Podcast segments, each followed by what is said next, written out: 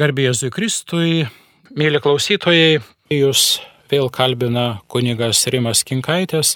Šiandien vėl šioje laidoje mėginsime kalbėti apie Jėzų Kristų. Apie jį jau daug kalbėta ir turbūt bus dar labai ilgai ir daug kalbama. Ir taip yra todėl, kad šis asmo yra labai ypatingas. Ypatingas daug kuo ypatingas savo išmintimi, moralumu, ypatingas savo galiomis ir taip toliau. Šiandien mėginsime aptarti dar vieną Jėzaus ypatybę, kurią jis iš esmės skiriasi nuo visų kitų asmenų. Jame, tai yra viename asmenyje, glūdi dvi prigimtys - dieviškoji ir žmogiškoji. Joks kitas žmogus ir niekas iš kūrinių neturi tokios ypatybės kad viename asmenyje dėrėtų ir gražiai sutartų dvi skirtingos prigimtys. Jėzus yra ypatingas tuo, kad jame tai ir pasireiškia. Glaudi prigimčių vienybė viename Jėzaus asmenyje turi labai svarbę išganomąją vertę. Ji pagrindžia atperkančią Jėzaus tarpininkavimo prasme.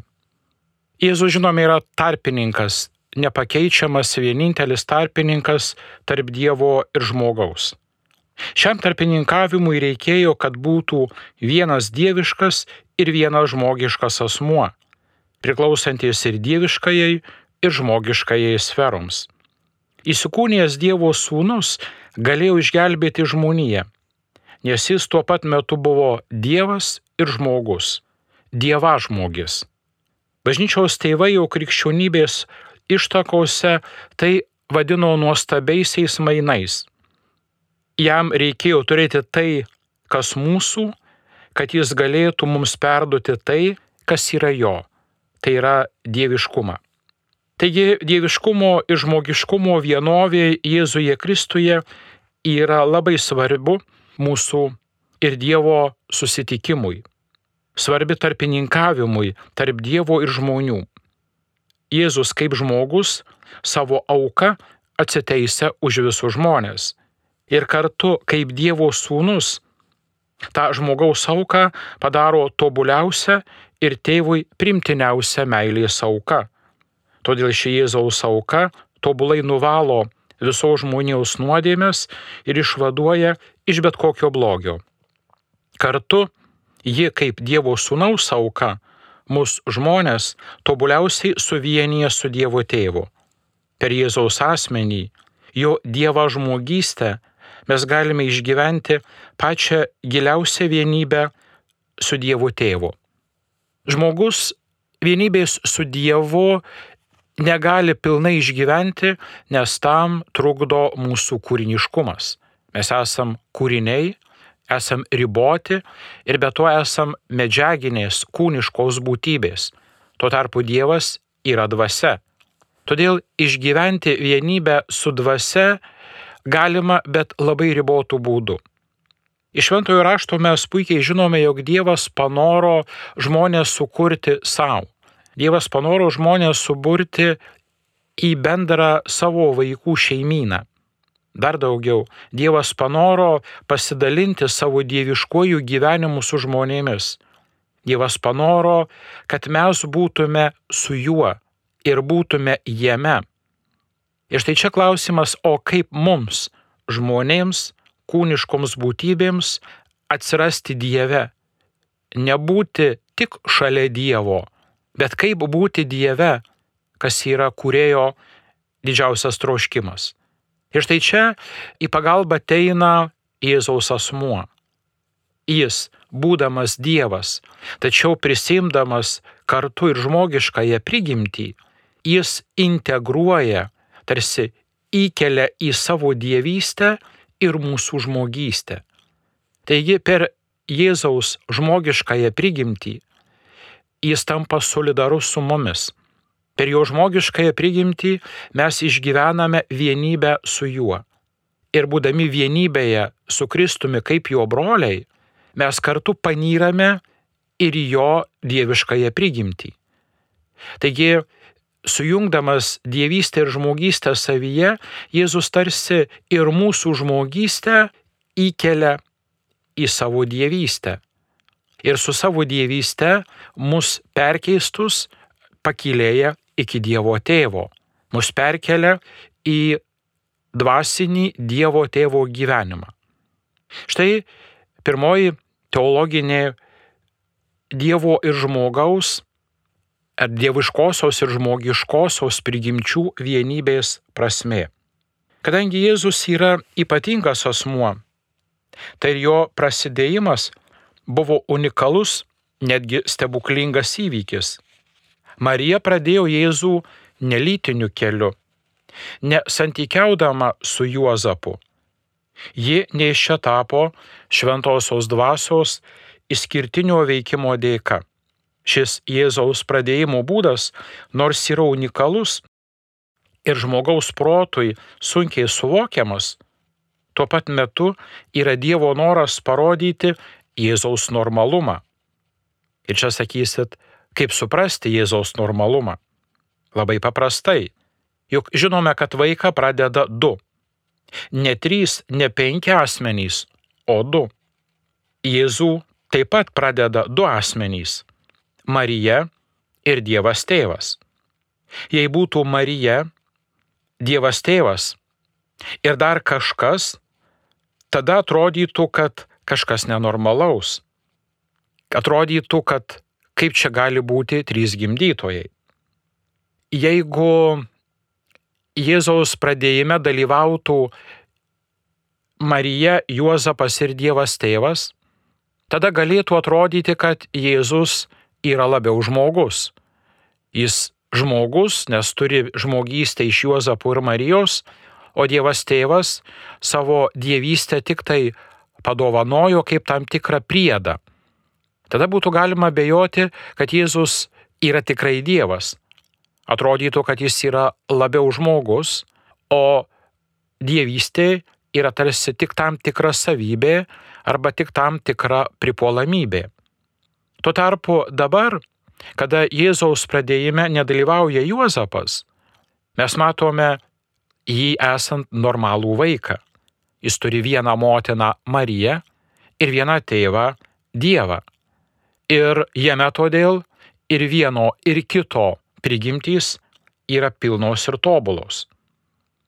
Pradėjus vaiką tėvams, puikiai žinome, kad jame yra abiejų gimdytojų genetika. Lygiai ir Jėzaus asmenyje.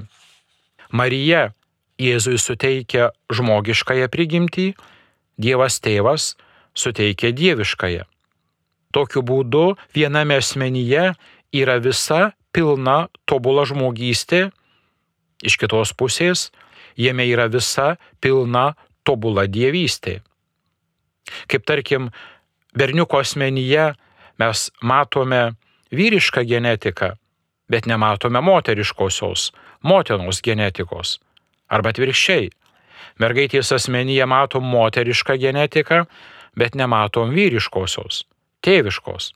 Taip Jėzaus asmenyje mes akivaizdžiai matome jo žmogiškosios prigimties pavydalą, bet nematome jo viduje glūdinčios dieviškosios prigimties. Ir čia norisi panaudoti vieną būtinį pavyzdį. Jei į paprastą vandenį įdėsime daug cukraus, tai jau nebus tik vanduo, bus kažkas kita. Tai bus sirupas. Nors mes išoriškai matysime tik vandenį ir mums atrodys, kad stiklinė yra tik vanduo, nes cukraus nesimato. Bet esmėje vandens esmė jau pakitusi. Tai jau sirupas. Kažkas panašaus ir su Jėzaus asmeniu. Mes matome tik jo žmogišką į pavydalą. Tačiau tame žmoguje vidiniai neregimų būdu glūdi pilna ir tobula dievystė. Todėl Jėzaus asmuo jis yra ypatingas. Ir žmonės Jėzuje pirmiausiai, kaip minėjau, pastebėdavo jo žmogiškąją pusę ir jo žmogiškasias savybės.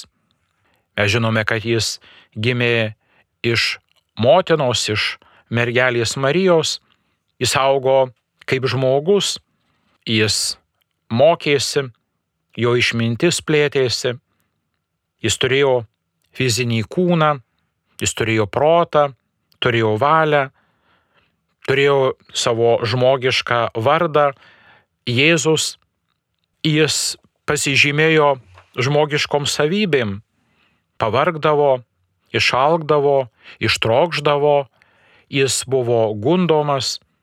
Jėzus, kaip ir kiekvienas žmogus, turėjo savo jausmų pasaulį ir puikiai žinome, kad Jėzus verkė, verkė atėjęs į bičiulio Lozoriaus namus, kai jis mirė, verkė žvelgdamas į Jeruzalę ir jausdamas jo sugriovimą. Jėzus taigi jam buvo nesvetimas liūdėsio jausmas ir džiaugsmas. Jėzus išgyveno kančią ir pamenam, kad artėjant kančios ir mirties valandai Jėzus sakė, tėve, te praeina šito orė pro mane. Taigi čia pasireiškia jo žmogiškumas, nes ne vienas žmogus nenori kančios, nenori skausmo. Jėzus taip pat turėjo ir pyktį, Mums atrodo, kad Jėzus visada buvo tik geras, švelnus, tačiau jame matome ir pykčio proveržius. Jis gana rūšiai žodžiais kreipdavosi į veidmainius fariziejus, jis netgi paėmė į savo rankas rimbą ir išplakė prekiautojų šventyklos prieigose. Tai tam tikri pykčio kaip sveikos reakcijos bruožai. Piktis nebūtinai yra blogis. Piktis parodo, kad man ne vis tiek, kad aš negaliu ramiai žiūrėti į tai, kas daroma blogai. Taigi Jėzus turėjo labai aišku žmogiškų jausmų pasaulį, pilną jų paletę. Iš kitos pusės, jo nematomoji dievystė vis dėlto tam tikrais jo gyvenimo momentais prasiverždavo ir pasireikždavo. Jėzus leidžia suprasti mums, kad jis yra Dievo siūstasis, mesijas ir tai patvirtina tiek savo kalbomis, patvirtina tiek savo veikla ir galiausiai tai paliudyja ir pats Dievas tėvas. Taigi kokios tos dieviškumo savybės ir bruožai, kurie prasiverždavo pro jo žmogiškumą ir atskleisdavo jo dieviškąją prigimtį. Jėzus gebėjo skaityti žmonių mintis. Jėzus turėjo galę gydyti ir išvarinėti demonus. Jėzus gebėjo sutramdyti stichijas. Pamenat, jis nutildo audras, jis gali eiti virš bangų, vandens paviršiumi.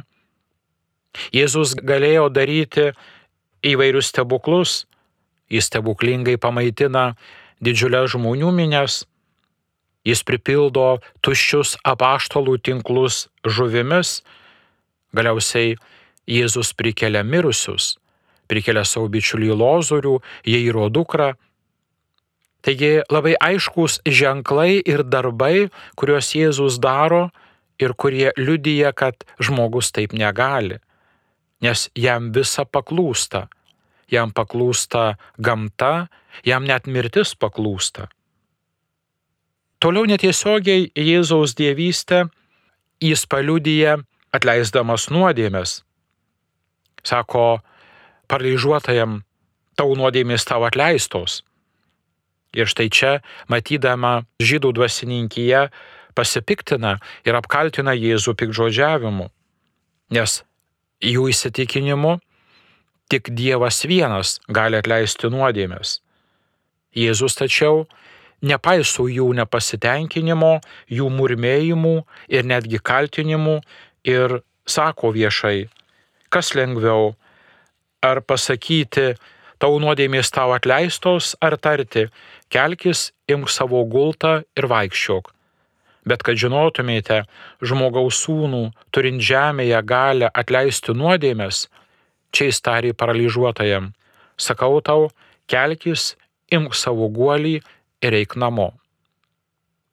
Negana to Jėzus ne vieną kartą pareiškia, kad jis ir Dievas yra viena, kad Dievas yra jo tėvas ir kad jis ir Dievas tėvas yra viena. Be abejo, tai žmonės glumino, tai stebino ir piktino. Ir štai čia Jėzus jiems aiškiai sako Jono Evangelijoje, jei nenorite manimi tikėti, tai tikėkite darbais, kad žinotumėte ir įsitikintumėte, kad tėvas yra manyje ir aš tėve. Kai net Jonas Krikštytojas suglumsta matydamas tai, ką Jėzus daro ir kalba, ir siunčia savo mokinius jo paklausti, ar tu esi tas, kuris turi ateiti, ar mums laukti kito, Jėzus jiems nurodo savo darbus - galios ir dieviškumo darbus. Eikite ir pasakykite Jonui, sako Jėzus. Aklieji mato, luošiai vaikščioja, raupsuotieji pagydomi, kurtieji girdi, mirusieji prikeliami. Pasakykite, ką matote. Papasakokite, kas Jėzaus gale aplinkui vyksta. Žmonių gyvenimai radikaliai keičiasi. Kartu Jėzus parodo ir savo galę prieš įstatymą. Jis susilaukia priekaištų, kad nepaiso šabo draudimų. Bet Jėzus sako, aš esu ir šabo viešpats. Taigi, Jėzus leidžia suprasti, kad jis yra aukščiau už įstatymą. Vienintelis, kas gali duoti įstatymą, yra Dievas. Ir Jėzus, parodydamas, kad jis tarsi pranoksta įstatymą, leidžia suprasti, kad jis turi dievišką galę. Ir tai, kaip minėjau, žmonėms ir ypatingai žydų dvasininkijai aukštuomeniai tai kėlė e, pasipiktinimą, jie tai laikė pikžodžiavimu ir Dievo garbės pažeidimu ir vis dėlto jie turėjo tam tikrų abejonių. Vis dėlto, matydami tai, kaip Jėzus elgėsi, jie matyt turėjo kažkokią nuojautą, kažin, ar čia tikrai yra tik žmogus. Ir štai e, Sinedrione, teismų taryboje, Kajafas Jėzų klausia, klausia prisaigdindamas, sako, gyvojo Dievo vardu klausiu, ar tu esi mesijas? Ir Jėzus jam atsako, aš esu. Tačiau čia ta formulė, kurią Jėzus pavartoja, nėra vien tik tai patvirtinti, kad taip aš esu mesijas, taip, ką tu sakai, yra tiesa. Bet Jėzus sako, ego įmi, graikų kalba. O tai reiškia, aš esu, kuris esu. Jėzus ištarė Dievo vardą. Kitaip tariant, aš esu pats Dievas. Aš esu pats Dievas. Ir štai tada, skaitome Evangelijoje, vyriausias kunigas persiplėšia drabužius, kas buvo didžiausio pasipiktinimo ženklo ir sako, kokių dar įrodymų reikia. Tai baisiausias pikžodžiavimas. Jis turi mirti. Ir vėlgi jau teisiamas Jėzus klausia, už kokiusgi darbus mane norite nužudyti? Ir jam atsakoma, ne už gerus darbus tave norim nužudyti, o už tai, kad tu būdama žmogus dėdiesi esas Dievu. Žmonėms atrodė, kad Jėzus nėra Dievas, bet jis įsijautęs į Dievo vaidmenį, tarsi išpuikęs, nori užgošti Dievo garbę. Tačiau Jėzus sakė tiesą.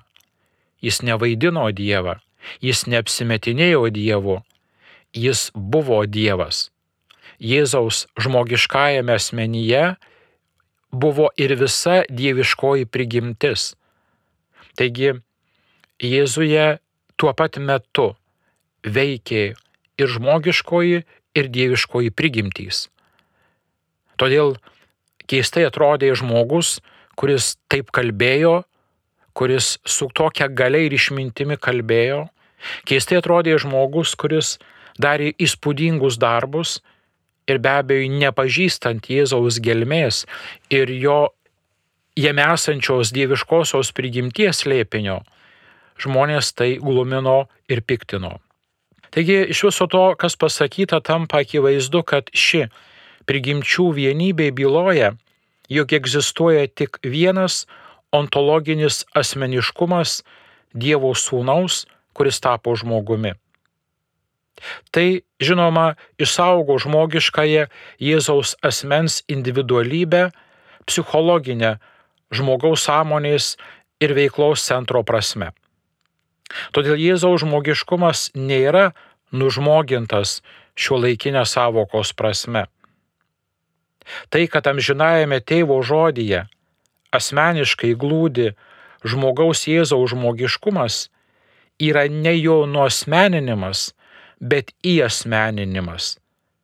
Nes Dievo sūnaus asmeniškumas yra perduodamas ir įsiskleidžia Jėzaus žmogiškume, jei sūnus tampa žmogumi. Ontologinė prasme Jėzuje neegzistuoja du skirtingi subsistuojantys subjektai. Dievo žodis tapo žmogiškojų asmeniu Jėzuje. Todėl Dievo sūnaus įsikūnymas yra tikra hominizacija.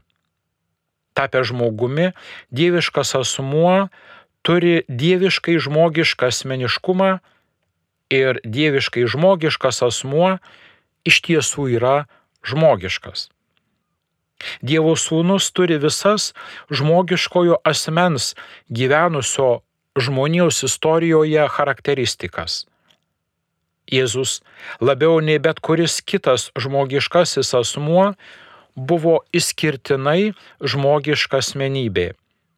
Jame Dievo sūnus asmeniškai nugyveno žmogiškai gyvenimą istorijos tapsme. Todėl prigimčių vienybė Jėzuje yra Dievo hominizacijos leipinys. Žmoguje Jėzuje Dievas įgyjo žmogišką veidą. Jėzuje Kristuje yra hominizuotas Dievas, o ne sudėvintas žmogus. Įsikūnyme Dievas yra ir šaltinis, ir veikiantis asmuo. Tai Dievo tapimas žmogumi, o ne žmogaus supanašėjimas su Dievu. Dievo hominizacija Jėzaus asmenyje yra Dievo savęs perdavimo žmoniai pagrindas ir Dievo slėpinio apreiškimas. Jėzus kaip Dievo sūnus yra žmogus. Tačiau nereiškia, kad jis yra Dievo sūnus savo sukurtuoju žmogiškumu kaip mes. Jėzus yra žmogus įsikūnyjimo keliu ir įsikūnyjimo, bet nesukūrimo būdu. Todėl jis yra ir Dievo sūnus, ir žmogus. Per įsikūnyjimą Dievas įžengė į istoriją ir kaip žmogiškoji istorija tapo Dievo istorija. Kitaip tariant, žmogiškoji Jėzaus prigimtis reiškia, kad jis skirtingai nei mes nėra kūrinys, bet tai, kad jis su savo dievystė panoro panirti į mūsų žmogystę. Jis panoro priimti žmogystę į savo dievystę. Jis panoro apkabinti ir įnešti visą mūsų žmogystę į savo dievišką įgyvenimą. Todėl Jėzus, Jėzaus žmogiškoji prigimtis ir žmogystė niekada negali būti laikoma lygia mūsų sukūrimo prasme. Tačiau taip pat reikia pažymėti, kad įsikūnyjimo faktas kelia ir Dievo nekintamumo klausimą įsikūnymo įvykyje Dievas tampa priklausomas nuo žmogiškojo tapsmo, o realus pokytis paliečia dievišką asmenį tapusį žmogumi. Tačiau dėmesio šiuo atveju pokytis nereiškia kaitos, kuri liestų begalinį Dievo tobulumą. Priešingai, jis reiškia absoliučią laisvę, kurią likdamas Dievu, Dievas asmeniškai susijungia su žmogiškąja egzistencija. Garsus katalikų teologas kardinolas Karlas Raneris sako, kad Dievas gali tapti kažkuo, būdamas savyje nekintamas. Gali būti paveiktas kaitos kažkame kitame. Čia gali kilti klausimas, ar tada Jėzus yra tikrai ir pilnai žmogus? Ar jo žmogiškumas nėra tik dieviškumo keutas? Tikrai ne. Krikščionybės istorijoje buvo tokių, kurie kėlė klausimą, jei Dievo sūnus prisėmė žmogiškąją prigimtį, kas atsitiko toms prigimtims susivienijus? Ar dieviškoji prigimtis neabsorbavo žmogiškosios? Kai kam atrodo, kad būtent taip ir atsitiko. Kai kam atrodė, kad prigimčių susivienijimas reiškia prigimčių susiliejimą. Kaip lašui įkritus į jūrą, lašas išnyksta jūroje ir jo nebelieka. Lašas pavirsta jūra. Šį klausimą svarstė Efezo ir Halkedono visuotiniai susirinkimai. Efezo susirinkimas skelbia, išpažįstame mūsų viešpati Jėzų Kristų, Dievo sūnų, viengimį tobulą Dievą ir tobulą žmogų, savo racionalę sielą ir kūnų, prieš visus amžius gimusi iš tėvo pagal dievystę, o paskutiniu laiku jis pats dėl mūsų ir dėl mūsų išganimo gimė iš mergelės Marijos pagal žmogystę. Tos pačios prigimties tėvui pagal dievystę ir tos pačios prigimties su mumis pagal žmogystę. Įvyko dviejų prigimčių susivienijimas. Ir štai čia raktinis žodis yra prigimčių susivienijimas. Ne susiliejimas, kada viena atskiedžia kitą, bet neprarandant nei vienai savos savasties, jos glaudžiai ir giliai susivienyje tarpusavyje. Šią Efezo susirinkimo formulę dar labiau patikslina Halkedonų susirinkimas.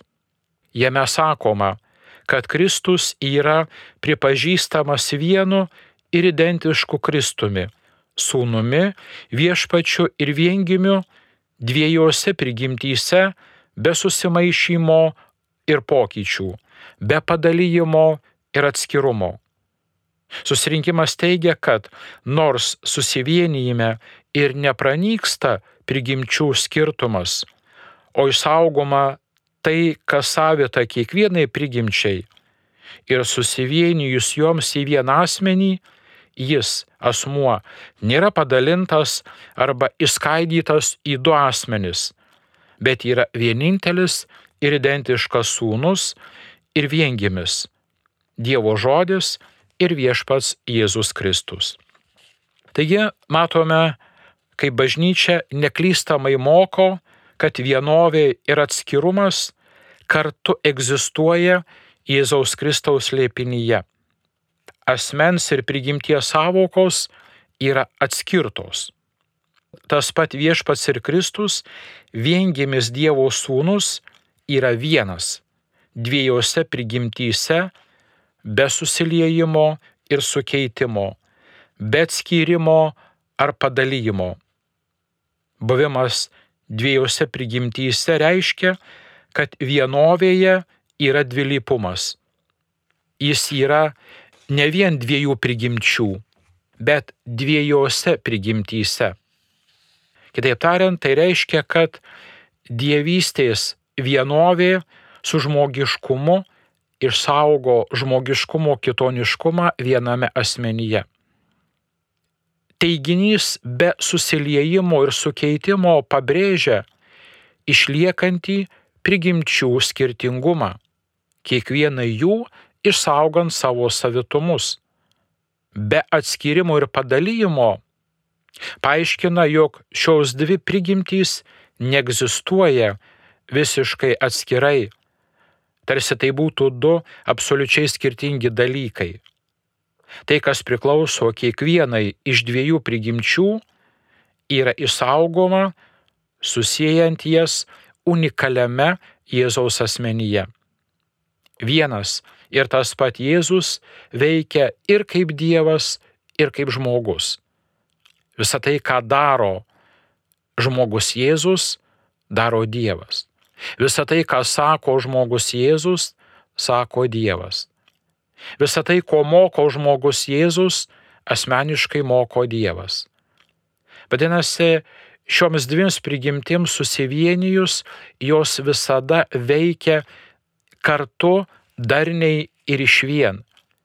Niekada juose nėra susipriešinimo. Niekada juose nėra jokio prieštaravimo. Taigi, tampa aišku, kad Jėzus yra ir Dievas, ir žmogus. Jėzus visada buvo, yra ir bus Dievas, bet jis tapo žmogumi ir panoro, būdamas Dievu, gyventi žmogaus gyvenimą.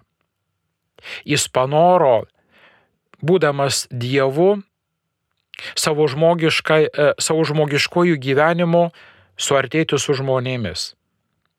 Jis panoro savo dievystę padovanoti mums žmonėms.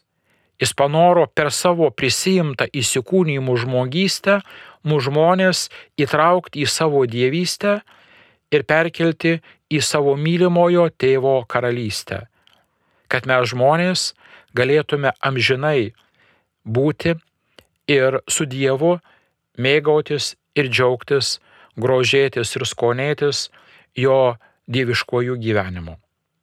Čia Marijos radijas jums kalbėjo kuningas Rimas Skinkaitis.